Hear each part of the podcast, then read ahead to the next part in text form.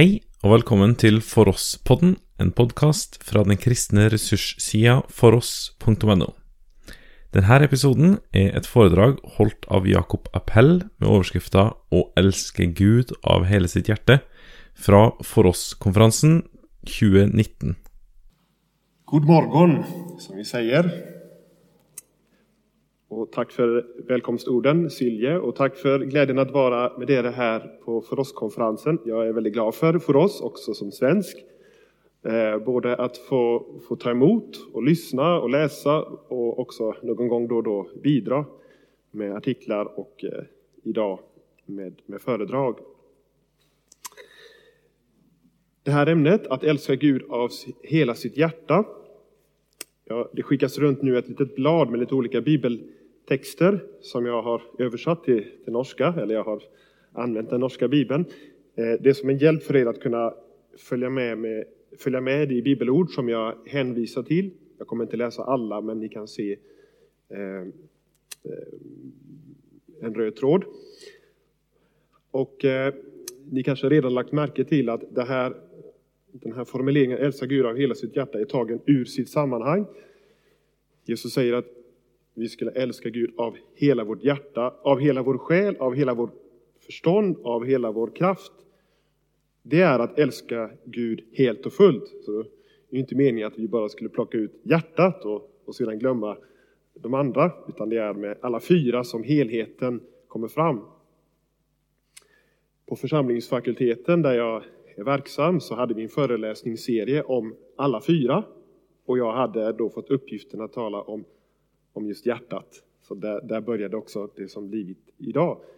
Och då hade jag två timmar till mitt förfogande. Och totalt sett så blev det åtta timmar om detta att älska Gud. Och eh, för det här formatets skull så ska jag komprimera det här till 45 minuter. Eh, så ni förstår att det här stora ämnet ska vi komprimera och eh, det är omöjligt att tala uttömmande om detta. Jag tänkte ändå att göra ett litet reklam för en bok som, som, eh, som vi har gett ut på församlingsfakulteten som handlar om, om en kristen människosyn, teologisk antropologi. Och där finns faktiskt en artikel som handlar om just hur hjärtat förstås språkligt, teologiskt i Gamla Testamentet. En ganska matnyttig text för att få en, en språklig redogörelse för det här. Eh, jag kommer inte göra något språkligt studium, kanske till någons besvikelse, men det finns ju mer att, att läsa på egen hand. Så till det som är mitt ärende, men låt oss be innan vi börjar. Helige Gud, vi tackar och prisar dig för att du har visat vad som är på ditt hjärta. I Jesus Kristus, hans lidande och död i vårt ställe och för vår skull. Att du älskar rövare, syndare, förnekare, förföljare av hela ditt hjärta. Också oss här var och en. Och vi ber dig därför att du skulle utgjuta din helige Ande i våra hjärtan så att vi ser ditt hjärta för oss, tror vad som är på ditt hjärta och lever med ditt hjärta och efter ditt hjärta. I Jesu namn. Amen. För några veckor sedan så, så lyssnade jag på ett föredrag av en Jesus-troende jude. Avi Schneider, kanske någon som är bekant med honom. Och han berättade att han ofta var i, i dialog med andra judar om Jesus. Och han berättade om en, en särskild judisk rabbin. De hade en diskussion om, om förstås om Jesus kunde vara judarnas Messias. Och, och rabbinen var naturligtvis övertygad om att skrifterna inte gav något utrymme för att Jesus skulle vara Messias. Men så ställde Avi frågan till honom så här. Om du skulle vara, om du skulle bli övertygad om att Jesus är den utlovade Messias, vad skulle du förlora då? Miste. Vad skulle du mista då? Du skulle mista din kone. Hon skulle begära skilsmässa samma dag. Du skulle förlora vårdnaden om dina barn. Du skulle förlora din ställning, din höga status som rabbin. Du skulle förlora allt. Vad skulle du miste? Och vet ni vad den judiska rabbinen svarade, hur han kommenterade? Han sa ingenting. För han hade integritet, han visste att skulle jag bli övertygad så skulle jag förlora allt, skulle jag mista allt. Och han kunde liksom börja tänka på konsekvenserna av det. Att detta kan jag inte mista, jag vill inte mista det. Så ligger det där som, en, som ett hinder för att ens kunna vara övertygad om det som ah, vi hade blivit övertygade om, att Jesus är Messias. Detta som en inledning till att tänka på detta med hjärtat. Hjärtat är inte bara liksom en, en, en rationell sak. Att jag får information och så blir jag övertygad. Argumenten håller. Hjärtat sitter djupare än så. Det är heller inte så att om jag får ett visst känsloläge så då väcks min kärlek genom vad jag känner. Det sitter djupare än så. Jesus säger att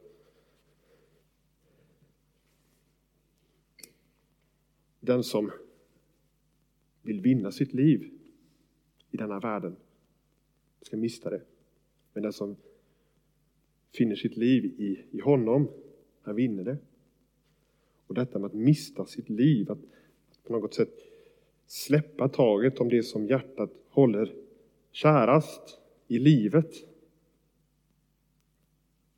För Guds skull, för Jesus skull. Det är det sista vi vill. En annan jude som kanske är mera bekant, han heter Saulus först. Han var naturligtvis övertygad om att han älskade Gud av hela sitt hjärta.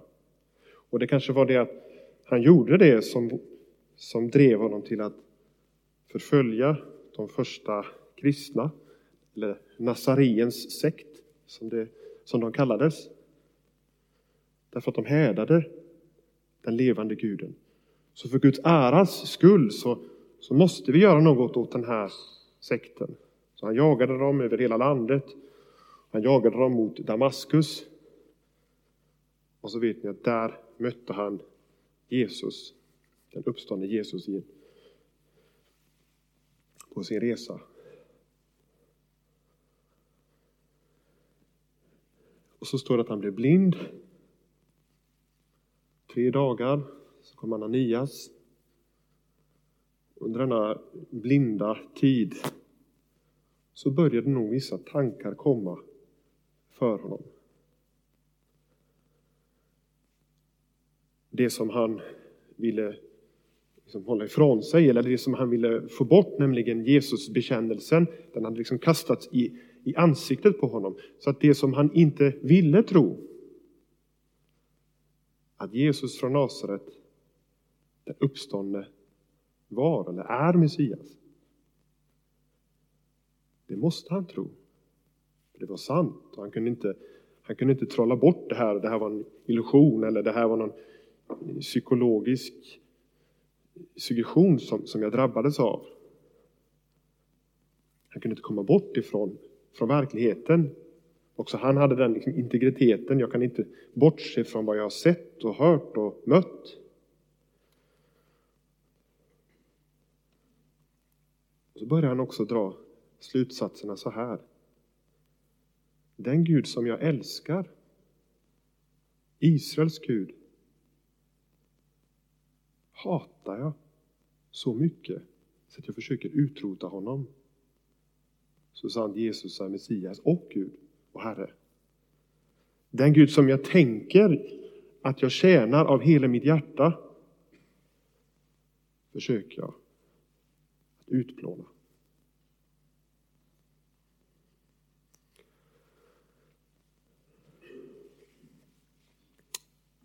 det som Paulus, Saulus inte ville, inte alls ville, det var han tvungen att ta emot. Och han visste, precis som den andra judiska rabbin, att han skulle mista allt. Och så vet ni fortsättningen, allt som, som gavs åt, åt Saulus, så att han senare upptäckte att det finns inget som är mera värt än att tillhöra honom. Allt det som jag hade fram tills dess, det räknar jag som avskräden, som ingenting, jämfört med det som nu har kommit till mig. Att vara funnen i Kristus. Rättfärdigheten från Gud. Det finns det många som menar, och jag håller med, att den här upplevelsen och erfarenheten som Paulus fick på, på resan till Damaskus påverkade hans syn på människan i allmänhet och syndafördärvet i, i synnerhet. Och det som man ibland brukar säga, den, ibland säger man om lutherdomen att han har en sån pessimistisk människos, människosyn. Fast många av oss skulle väl säga att den är, tack och lov, väldigt realistisk. Och, och, och Luther hämtar ju så mycket av sin förståelse av människan och rättfärdigheten från Gud just i Paulus skrifter. Så att de här orden i Romarbrevet 3, det är nummer två där på, på listan, hämtar sin, sin, sin, sin, sin, sin motivation eller sin förklaring i Paulus egen erfarenhet på Damaskusvägen. Han skriver Ingen rättfärdig finns. Jag kanske ska försöka på norska här. Det är icke en rättfärdig, icke en eneste. Det är icke en som är förståndig, Det är icke en som söker Gud. Alla är veket av, alle sammen är blitt udugelige. Det är icke någon som gör det goda, icke en eneste. Allra minst jag, Saul av Tarsus, som tänkte att jag älskade Gud av hela mitt hjärta.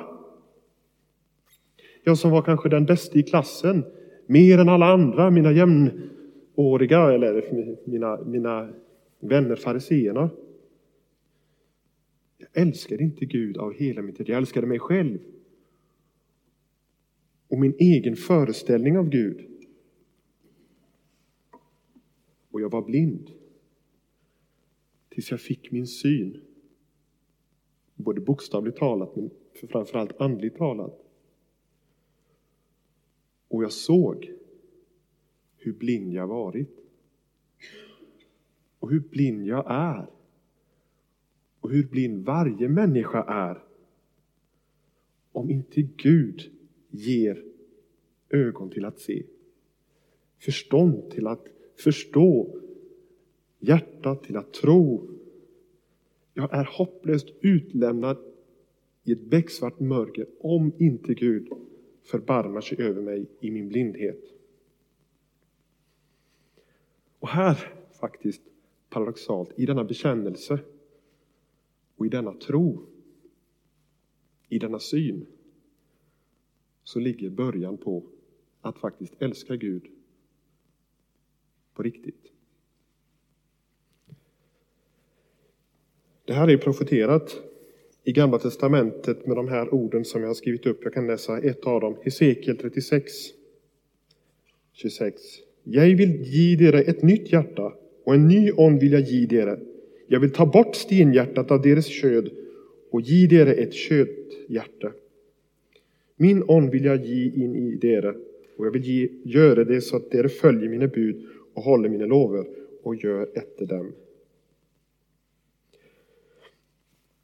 Om jag får strukturera det här föredraget, bibeltimmen, i tre punkter så, så vill jag först visa hur, hur Guds andes verk är att avslöja detta stenhjärta, stenhjärtat att det är vår utgångspunkt, det är vår verklighet.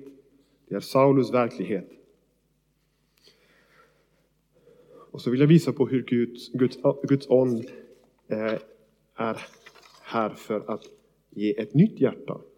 Och vad det är att få ett nytt hjärta. Och när han har gett ett nytt hjärta så vill han också bevara hjärtat. Bevara hjärtat. Det är tre punkter. Stenhjärtat, det nya hjärtat och det bevarade hjärtat. Ett stenhjärta, det älskar inte Gud, kan vi säga. Och det vill det inte. Då kan vi tänka på, på Saulus eller på den judiske rabbinen. Jag vill det inte. Det var det sista Saulus ville bli, en följare av Jesus. Han skulle mista allt.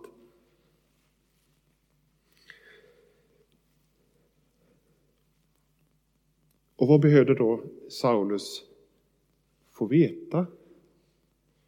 Jo, att den ivern eller den tron eller den hängivenheten som han hade och, och liksom uttryckte, den var falsk.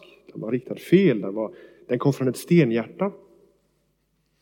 Så säger Jesus om, om Guds helige Ande, Johannes kapitel 16. Och när han kommer, den helige Ande, skall han överbevisa världen om synd, om rättfärdighet och om dom, om synd, får de de icke tror på mig. Det ligger i ordet överbevisa. Det är inte så lätt gjort. Det krävs Gud själv, Guds helige Ande, till att överbevisa en människa om synd. Och då inte bara där tjuvåkte du på spår, spår, utan det här liksom själva hjärtats eh, stenhjärtats karaktär. För de tror inte på mig, på sonen, på Jesus. Själva roten, själva felet.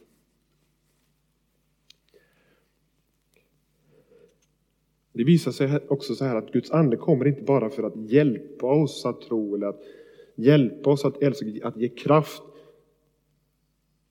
Utan han kommer här för att överbevisa om att jag inte älskar Gud. Att jag inte vill det goda. Att jag inte är på den rätta vägen.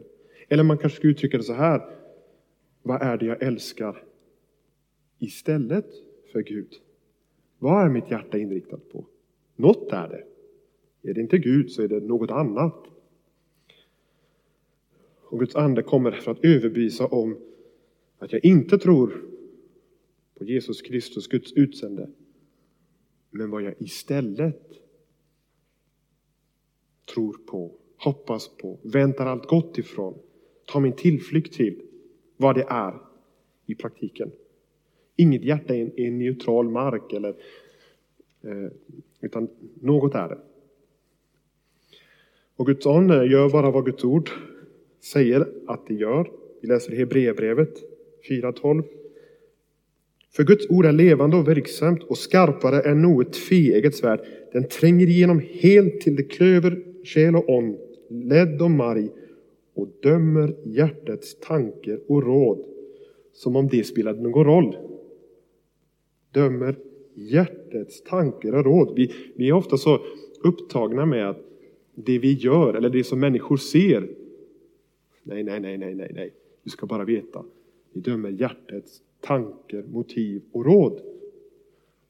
Inte med mindre än att det blir gjort är Guds ande och Guds ord verksam. Inget skapat ska vi se, eh, och ingen skapning är skjult för ham. Allt ligger nakent och bart för hans öjne som vi ska stå till regnskap för. Så då ska vi tänka om den heliga Ande. Att han leder oss och hjälper oss till att medge att det är mycket sämre ställt med hjärtats motiv och tankar och råd än vad vi vill föreställa oss. Det är förmodligen mycket värre än vad jag någonsin kan medge. Men han leder dit för att visa diagnosen. Det är ett stenhjärta. Ett stenhjärta kan inte älska Gud, kan inte, vill inte det goda, gör inte det goda. Ordet eh, bekännelse kommer av grekiskans homologeo som betyder ungefär säga detsamma. Så när vi talar om syndabekännelse så betyder det egentligen bara att säga som det är. Ja, eller säga detsamma som Gud redan har sagt, som Gud redan vet, som Gud redan ser. Så att när Guds ande leder en människa till att säga som det är, då är det en framgång. Det här sitter inte naturligt för oss, utan ni kommer ihåg Adam. Han gömde sig, Han klädde sig, han, han, han, eh, han eh, eh skyllde på, eh, på, på Eva. Men Gud, var är du Adam? Vad har du gjort? Det är den värsta frågan som finns om man är i Adams läge. Och när Guds ande kommer så är det för att leda en människa fram i ljuset. Så att jag står där utan gömställe, utan fikonlöj, utan någon annan att peka på. Här är det. Så här är det. Och det är inte en katastrof, det är en seger för Guds ande. Hör här eh, kung Davids syndabekännelse. David säger som det är och som han har fått nåd till att se när det kommit fram i, i ljuset för honom. Och det här är syndabekännelsen efter hans, eh, hur ska vi säga, hans, eh, ni vet med Batseba och Ria och allt det där. Och ni vet att eh, Natan kom, det verkar som att det har gått flera år, alltså det, det intrycket får att det, går, det är en lång tid som David lever i en förnekelse av vad han har gjort. Och tänker att, någon har sagt så här, det värsta är inte att människor lurar sig själv utan att hon kommer undan med det.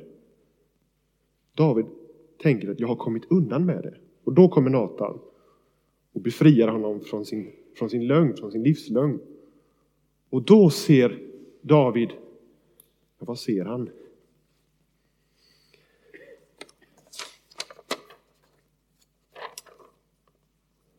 Se, jag är född i missgärning och min mor har undfangit mig i synd. Jag är född i synd. Det finns i mitt, i mitt hjärta, inte bara som en, en som en eh, möjlighet eller som en potential, utan som en verklighet som bara väntar på att få visa upp sitt fula ansikte. Så att nu när jag står här med Batseba-historien alltihop, så förstår jag att jag är född i synd. Hjärtat är fyllt av mer än vad jag trodde om mig själv. Se, du har lust till sannhet i det innersta av hjärtat. Du har lust till det, men du finner det inte. Jag har det inte i mig. Och kanske det kom som en, en, en särskild stark upplevelse dessa år när han levde i en, i en lögn och förnekelse. Om inte du, Gud, så lär mig då vis, visdom i hjärtats djup. Utan ditt verk så är jag hopplöst förlorad åt mitt eget mörker och min egen lögn. Rens mig från synd med isop så att jag blir ren. Det är som att skrubba, det sitter som berget, som fjället. Vask mig så jag blir vitare som snö.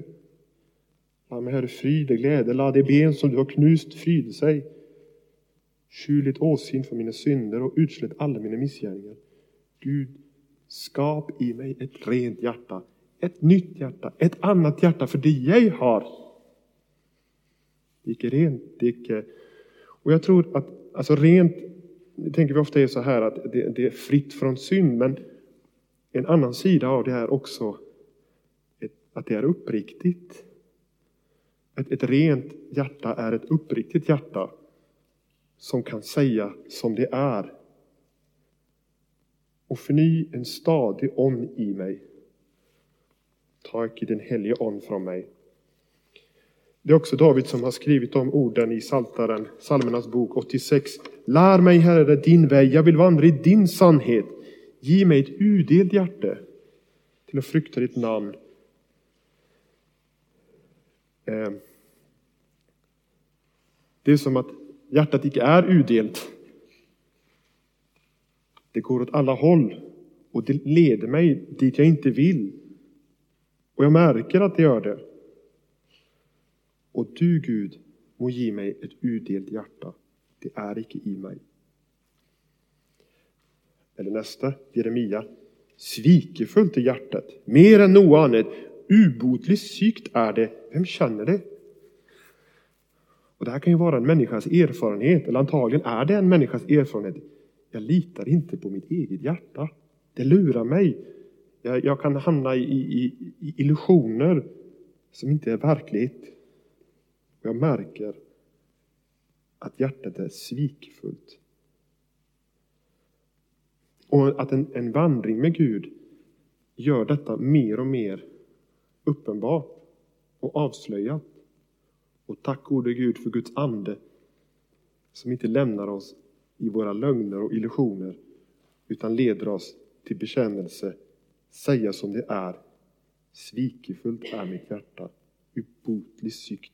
Vem känner det? Icke jag. Och när Jesus sen talar om vad, vad som kommer av hjärtat, då flyttar han ju fokus på fariseerna och deras intresse för tvätta händerna och vem äter du med? Det här yttre. Men sen, det som går ut av munnen, det kommer från hjärtat och detta är det som gör människan orätt. Från hjärtat kommer Onde tanken, mord, hot, otyg, tyveri, falskt vittnesbörd, spott. Från hjärtat. Och vi vet det.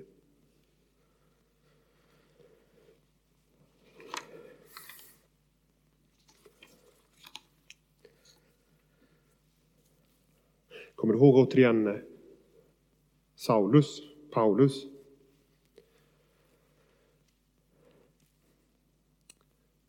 Innan han eh, Eh, blev en Jesu lärjunge.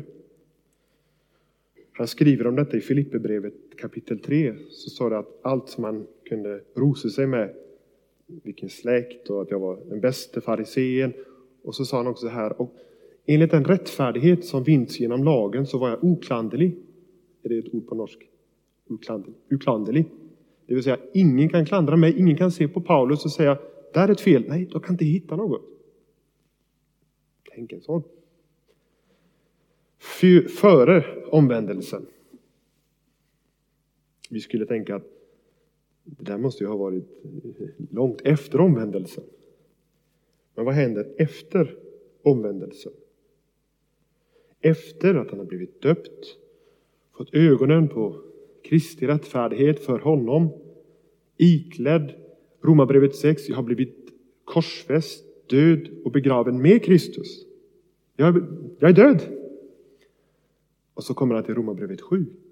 Alltså, därför kan jag tala om för er en hemlighet. Jag kan avslöja något som jag aldrig hade kunnat avslöja före min omvändelse.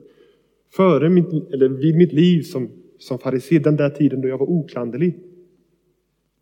Men nu kan jag avslöja, när jag vet vem min frälsare är, vem jag blivit döpt till, iklädd hans rättfärdighet, ska jag tala om för dig hur det faktiskt är och som jag har börjat att upptäcka.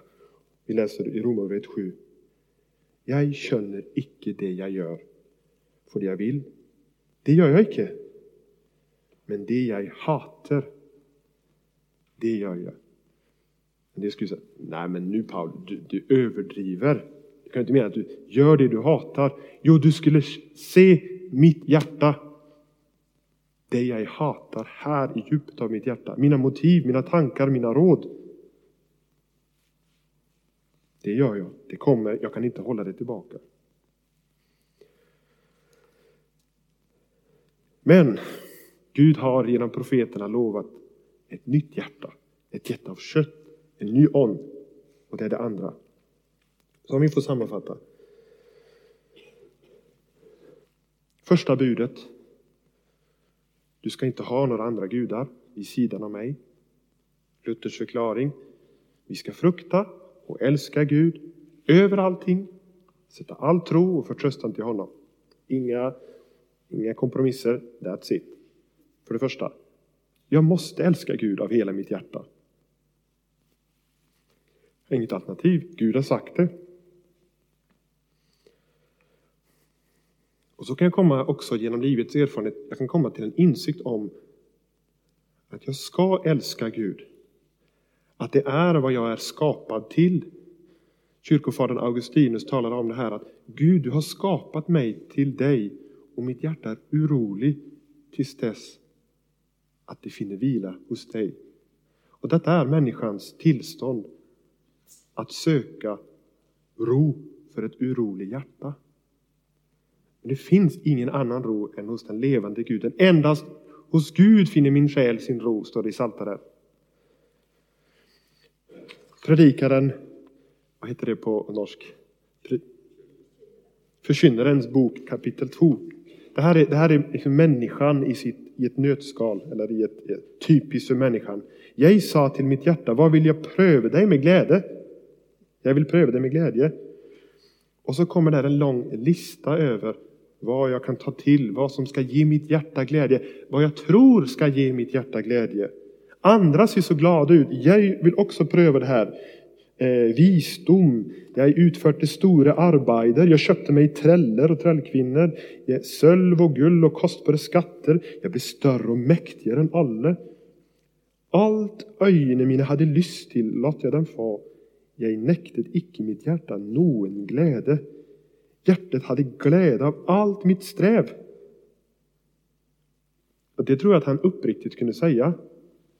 Jag hade glädje av det, det smakar gott, det här, wow. Men så kommer alltid dagen efter. Jag är inte mätt. Mitt hjärta är fortfarande orolig. Tomt. Men när jag såg på allt det som mina händer hade gjort och på den plaga det hade kostat mig, då sa jag att alltsammans var tomhet Eh, och jag efter vind. Det är icke någon vinning och nå under solen. Och så kommer han fram till slutsatsen i kapitel 12. Slutet på det hela, efter allt är hört, är detta. Frukt Gud, håll hans bud. Detta är något som gäller alla människor. Och ingen tror det. Ingen lever efter det.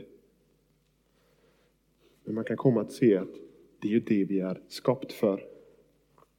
Och hjärtat är oroligt tills det är så.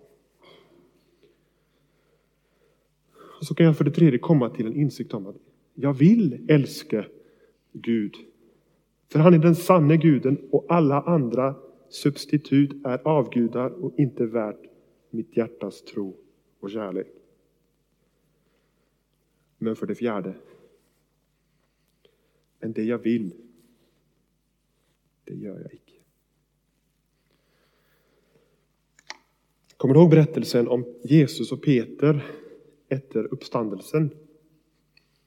Jesus frågar, spörrar Peter tre gånger. Älskar du mig? Jag tror det är på, på norsk så att Jesus eh, frågar, älskar du mig?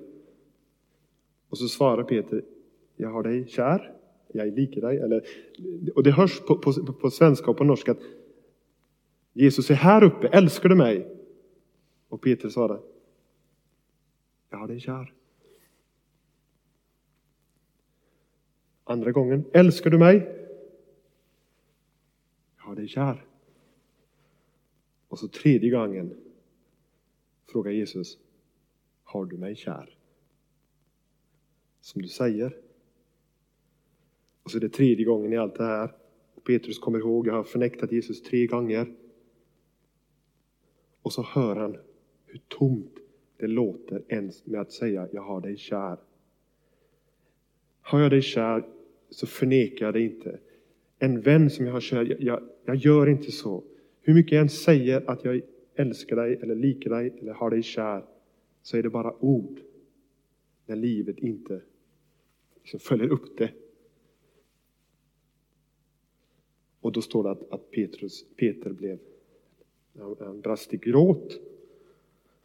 Och så svarade han, Herre, du vet allt. Du visste allt. Långt innan jag visste. Du visste vad som fanns i mitt hjärta. Du sa, du, ska, du kommer att förneka det. Jag känner ditt hjärta Peter. Jag vet vad det kommer att göra. Nej, nej, det vet jag bättre än du. Du visste allt. Du vet allt. Och du vet förmodligen ännu mer än vad jag vet nu. Och det kan vara en skrämmande tanke. Att stå där och veta att han vet. Inte ens, eh, även det som jag inte ens vet. Men när du nu står här med dina sårmärkta händer och har sökt upp mig och, här är med, med mig. Så finns det nog inget större än detta. Att du vet allt och fortfarande står här. Och på andra sidan graven med dina sårmärkta händer så att när Petrus sedan, sedan säger Du vet att jag har dig kär. Den Jesus som står här för mig och med mig och till mig. Den Jesus har jag virkelig kär. Du vet det. Och jag skulle säga, då vet Jesus att han talar sanning. För då är det inte, då är det inte Peter, jag, mig, jag mig och min kärlek. Om alla andra överger dig så gör jag icke det. Jag är beredd att dö för dig, ge mitt liv för dig. Det är tomma ord.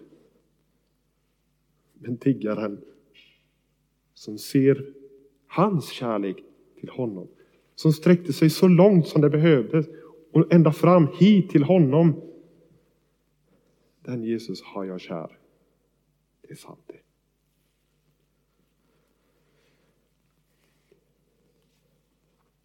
Så står det skrivet. Vi älskar för han älskat oss först. Och det är inte bara en teori. Det är en verklighet och en erfarenhet som Peter här kan säga. Ja, för du har älskat mig först. Så långt som du har visat nu. Och detta är själva definitionen på ett nytt hjärta som Guds ande ger. Ett nytt hjärta. Mottagligt för det som nu är och för alltid ska vara på Guds hjärta. För dig, för mig, för rövare, för Peter, för Paulus, för de som ännu inte ser det. Jesus sa, därför säger jag dig, hennes många synder är förlatt, därför älskar hon eget. Men den som lite, lite är tillgitt älskar också lite. Peter före, före allt, inriktad på min trohet, min efterföljelse, min kamp, min kärlek och ser inte hur mycket han är rädd för människor. Vad som lurar bakom hjärtat. Han känner inte sitt hjärta. Men den som har mött Guds kärlek i Kristus Jesus och genom den heliga Andes ögon till att se, han märker att kärleken består inte i att vi har älskat Gud, som det står, utan i vad han gjort, gör, ger och fortsätter att ge. Och när det når fram så att hjärtat blir mottagligt, då är det ett nytt hjärta. Ett annat hjärta som älskar Gud av hjärtat. Så när Jesus säger om ni älskar mig, eh, där som dere älskar mig, då håller dere fast vid mina bud, på mina bud. Så kommer det först av att jag har fått nåd och hjälp till att misströsta om mitt eget hjärta och att jag inte vill mitt eget bästa. Men har fått nåd till att se hans hjärta för mig, hans goda vilja, hans bud. Tack gode Gud. De vill mig mer väl än jag vill mig själv väl. Augustinus sa så här. Eh, Älska Gud och gör vad du vill. För vad vill jag om jag älskar Gud? Det som Gud vill förstås. För Gud, jag kan inte älska Gud om inte Gud först har älskat mig och uppenbarat sin kärlek och sin vilja på ett sådant sätt så att jag tror mer om Guds vilja än min egen vilja. Och kanske också gör det av en bitter erfarenhet. Till sist. Ord, eh, ordspråksboken, vad heter det? Ordspråksboken kapitel 4. Bevar ditt hjärta framför allt du bevarar, för livet utgår från det. Det vill säga, viktigare än den yttre rättfärdigheten, det som människor ser, är att bevara ditt hjärta. För livet utgår från det. Det vill säga, du, du gör vad du älskar. Jag hade en annan bok här eh, som jag också lärt mig mycket av, You are what you love. Vi, You are not what you think, you are what you love. Det vill säga vi tror kanske något om oss själva och, och att vi handlar på ett rationellt vis. Men vi avslöjas som människor som följer våra, våra hjärtan. Det är därför jag kan säga så här, jag, jag kan inte fatta att jag handlar som jag gör. Hjärtat är irrationellt. En förälder kan ju veta det man ska tala till barn. Man, som förälder har man ju en sån, eh, man har en sån övertro till ord. Gör som jag säger. Men de gör som de vill. man lär sig aldrig. Inte ens som vuxen. Jag gör som jag vill. Även om jag kommer in i kyrkan här. Ja, vad gör jag då? Jo, jag vill passa in. Så gör jag så att jag passar in. Och så kan det vara så hela livet. Jag frågar inte, men vad ville Gud? Till sist då, Guds ands verk till att bevara hjärtat. Och då är det ett bra bibelord, Johannes kapitel 15. Från, nu har jag citerat här från vers 9. Bli i mig, så blir jag i dere. Liksom greinen icke kan bära frukt av sig själv, men bara när den blir i vin, vinträd. Jag skulle nästan haft någon till att läsa åt mig här. Eh, slik kan heller icke, eh, slik kan heller icke dere bära frukt utan att dere blir i mig. Jag är vinträd, dere är greinene. Den som blir i mig och jag i ham, han bär mycket frukt. För utan mig kan dere intet göra. Om någon icke blir i mig, då kastas han ut som en grein och vissnar. och det samlar dem samman och kastar dem på ilden och det bränner. Där som dere blir i mig och mina ord blir i dere, då be om vad dere vill och dere ska få det. I detta är min far helgjord att dere bär mycket frukt och dere ska bli mina discipler. Liksom Fadern har, har älskat mig, så har jag älskat dere. Bli i min kärlighet. Bli i mig, bli i mina ord, bli i min kärlighet. Konkret. Bli i Jesus, i hans kärlighet, i hans ord. Med hela ditt halva ubotligt psyke, svicklig hjärta. Därför att han har burit straffet, fördömelsen också för ditt hjärta. Den Jesus har jag kär, sa Peter. Den som känner mitt hjärta och inte drar sig undan när han ser vad som är i hjärtat, utan som drar sig fram och tar det på sig. Han bär det på sitt hjärta. Den Jesus älskar jag med hela mitt halvhjärtade, delade, splittrade, obegripliga hjärta. Och Peter han får ju också en inblick i, oh, var jag kapabel till det här? Eller David, kunde jag göra det här? Jag har ju bekänt, Herren är min hyrde, mig skall inget fattas. Och ändå vill jag ha Batseba, ändå vill jag mörda Uria.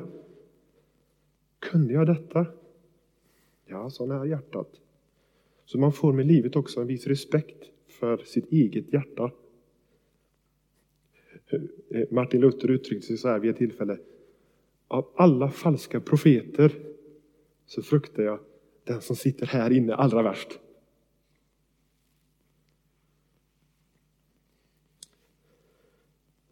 Då blir jag hos honom. I hans ord, i hans kärlighet. Och jag kan säga de här orden i Psalmernas bok 139. Jag kan säga det, när jag var ung så, så uppfattade jag det som en så här orolig bön. Men nu är det en bön som jag ber med tillförsikt. Ransak mig Gud och känn mitt hjärta. För du känner mitt hjärta. Jag gör det icke, men du gör det. Pröv mig och känn mina mångfaldiga tankar.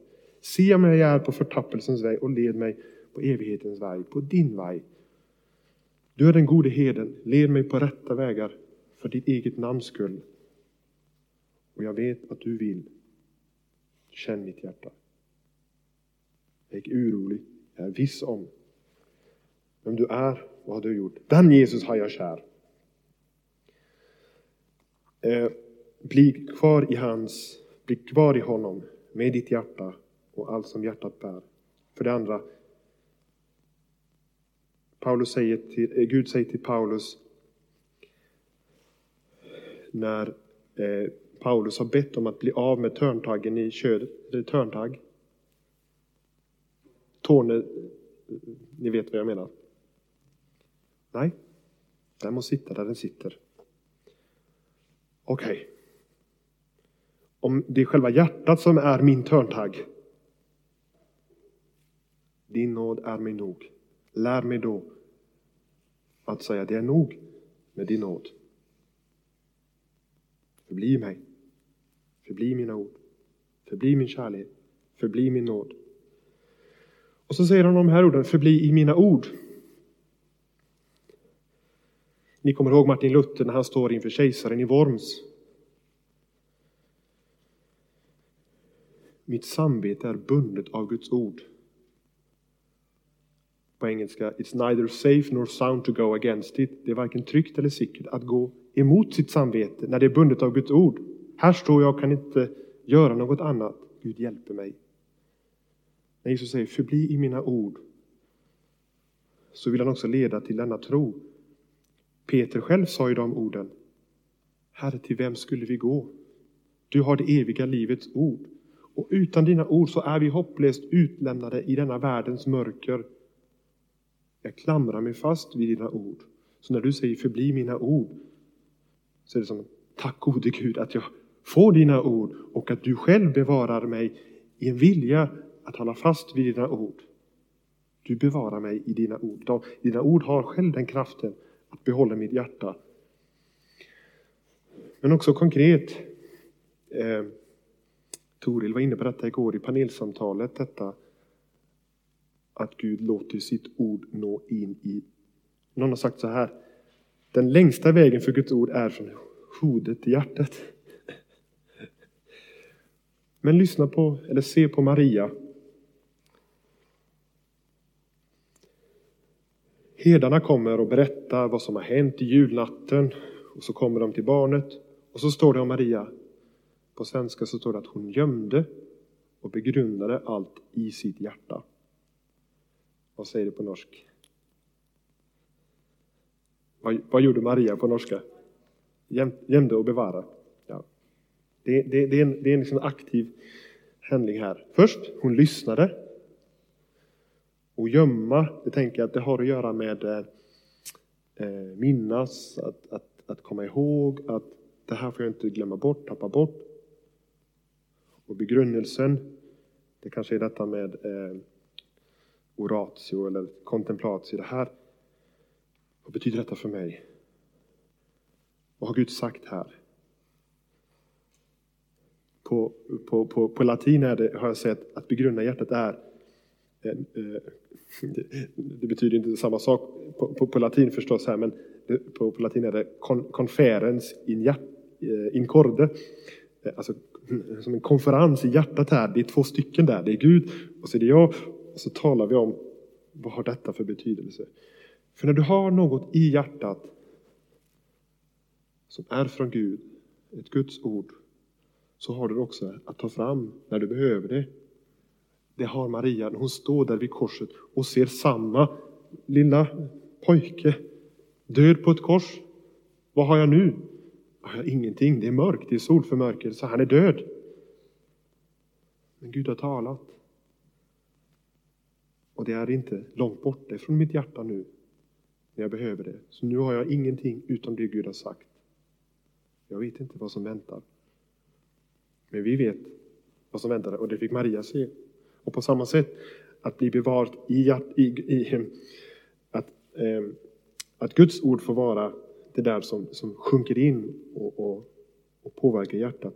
Och det här hänger samman med hur vi förstår hur hjärtat fungerar, eller börjar förstå. Jag vet inte om ni har tänkt på hur ett modernt köpcenter är uppbyggt. Många moderna köpcenter de, är, de ser ut ungefär som den här kyrkan. Har ni tänkt på det? Det är högt i tak. Det är en svindlande känsla. Det är stora fönster. Och eh, det är inte sådana här fina glasmålningar med bilder på Jesus och apostlarna och helgon och, andra goda fina motiv. Den gode heden. Nej, det är bilder av människor som ler, som är lyckliga, som visar det goda livet. Och också du kan få detta goda liv om du bara köper detta mobilabonnemanget. Eller köper den här resan. Då blir du så här lycklig. Man brukar säga en bild säger mer än tusen ord. Det måste inte vara massa fakta om resorna. Men alla dessa bilder, de är där för att fånga mitt hjärta. Ja, ja, det köper jag, det trycker jag, det vill jag ha. Det är det goda livet. Och kanske att de förstod hur de gamla kyrkorna, med vilket syfte de hade. För det första, det var ett torn som pekade uppåt. Fokus var inte på dig som vandrar här mellan alla reklambilderna där du är i centrum, där dina behov och dina drömmar och ditt goda liv är i centrum. Men det är Gud. Här är Guds hus. Och det var bilder, som jag sa, på, på den gode herden och på de, de som har gått före, som såg det goda livet, inte i ett köp eller en resa, utan i honom. I hans efterföljd. Och så kan ni ju förstå att vi har världens katedraler och så har vi våra kyrkor. Det är en kamp av våra hjärtan. Och jag har den liksom inställningen till kyrkorum att de gärna får vara alltså på ett positivt sätt utsmyckade med bilder och konst och, och, och symboler som tillsammans med ord och sakrament liksom utsätter mitt hjärta för det goda livet, det sanna livet, det äkta livet. Där det andra är illusioner, falsk marknadsföring. Bli kvar, det är att, att förstå att, att, att han är den som för en kamp om mitt hjärta också. Eh, och så står det också om detta att han rensar grenen för att det ska bära frukt, mer frukt. Tänk då att det är det hjärtats kärlek som han är ute efter här.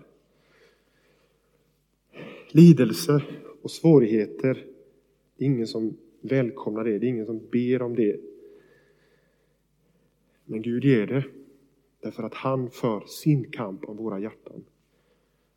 Jag hörde talas om en, om en kvinna som var en, en väldigt skicklig eh, fiol, eller violinist.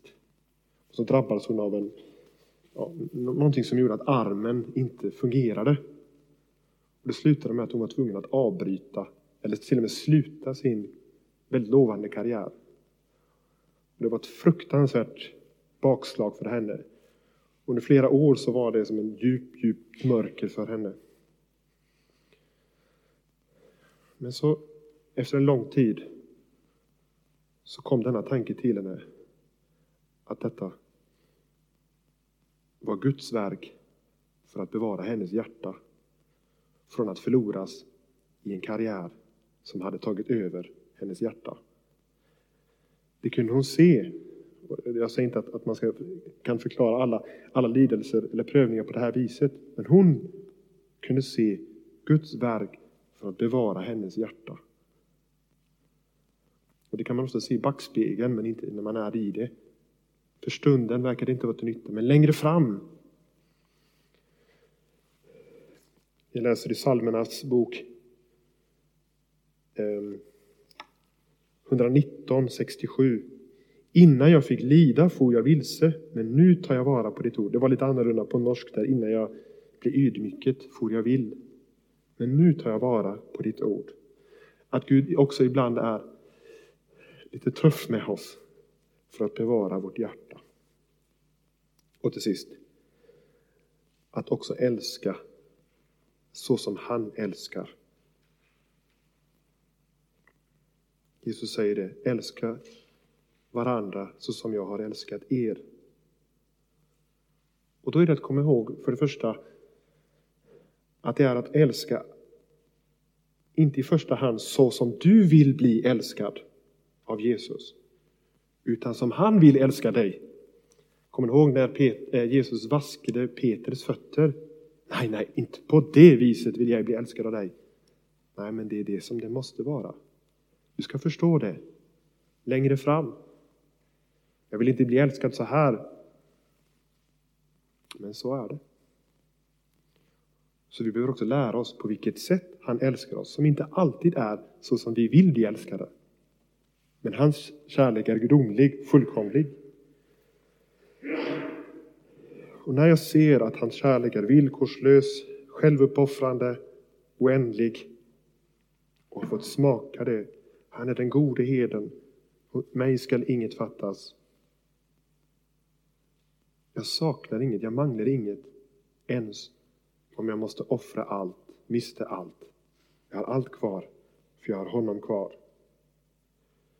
Och när jag, det här också blir min verklighet, då kan jag också börja ge till dere, till andra, utan en känsla av att jag förlorar något. Utan mångas erfarenhet att jag får så mycket tillbaka ändå. Fast jag ger inte för att få, men jag märker att när jag ger så får jag.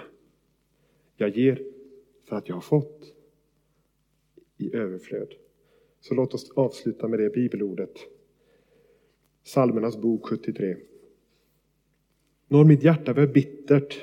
Detta är ju i ett sammanhang när salmisten tänker på alla andra, hur bra de har det. Man är, man är avundsjuk och det går bra för dem, men inte för mig. Och det stack mig i mina nyror. Då var jag oförnuftig och förstod ingenting. Som ett dyr var jag mot dig. Men jag blir alltid hos dig. Du har grepit min högra hand. Du leder mig vid ditt råd. Och därefter tar du mig upp i härlighet. Vem har jag ellers i himlen? När jag bara har dig begär jag icke noe på jorden. Om än mitt köd och mitt hjärte sviktar, så är Gud mitt hjärtes klippe. Mitt hjärte sviktar, Gud mitt hjärtes klippe och min del för evig. Amen. Ära vare Fadern och Sonen och den helige Ande, så som det var av begynnelsen, nu är och skall vara från evighet till evighet.